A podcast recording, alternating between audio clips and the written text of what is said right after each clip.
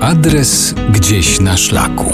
Poznajemy najciekawsze schroniska w polskich górach. Dzisiaj zapraszam do wyjątkowego miejsca, które z przyjemnością odwiedzam od ponad 30 lat, czując się tam jak w domu.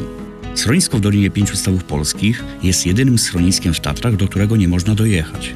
Można tam poczuć tę prawdziwą atmosferę, zwłaszcza gdy bywają dni całkowitej ciszy w niemal pustym schronisku. Drzwi schroniska zawsze są otwarte, a gospodarze nie pamiętają nawet, czy kiedykolwiek istniał klucz do drzwi wejściowych.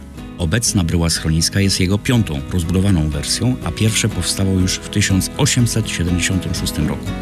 Jeszcze wcześniej powstał szałas pasterski nad Małym Stawem, a cała dolina była miejscem wypasu owiec.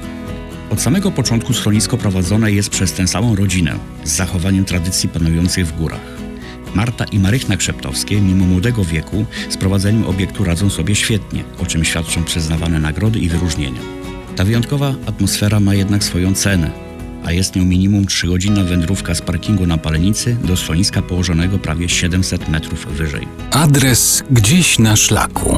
Do najpiękniejszych polskich schronisk zaprasza Albin Marciniak. W zimie utrudnieniem jest sporo śniegu na dosyć stromym podejściu końcowego odcinka szlaku. Takie położenie schroniska oraz zimowe warunki są z kolei idealne do przeprowadzenia szkoleń, jakie co roku organizowane są w Dolinie Pięciu Stawów Polskich. Szkolenia lawinowe czy dni skiturowo-lawinowe są prowadzone przez fachowców, a koordynowane przez szefa wyszkolenia TOPR Marcina Józefowicza. To dobra okazja do zwiększenia swojej wiedzy i umiejętności w zimowym poruszaniu się nie tylko po Tatrach. Bo pamiętajmy, że nawet najłatwiejszy szlak w Tatrach przy załamaniu pogody może się okazać śmiertelną pułapką.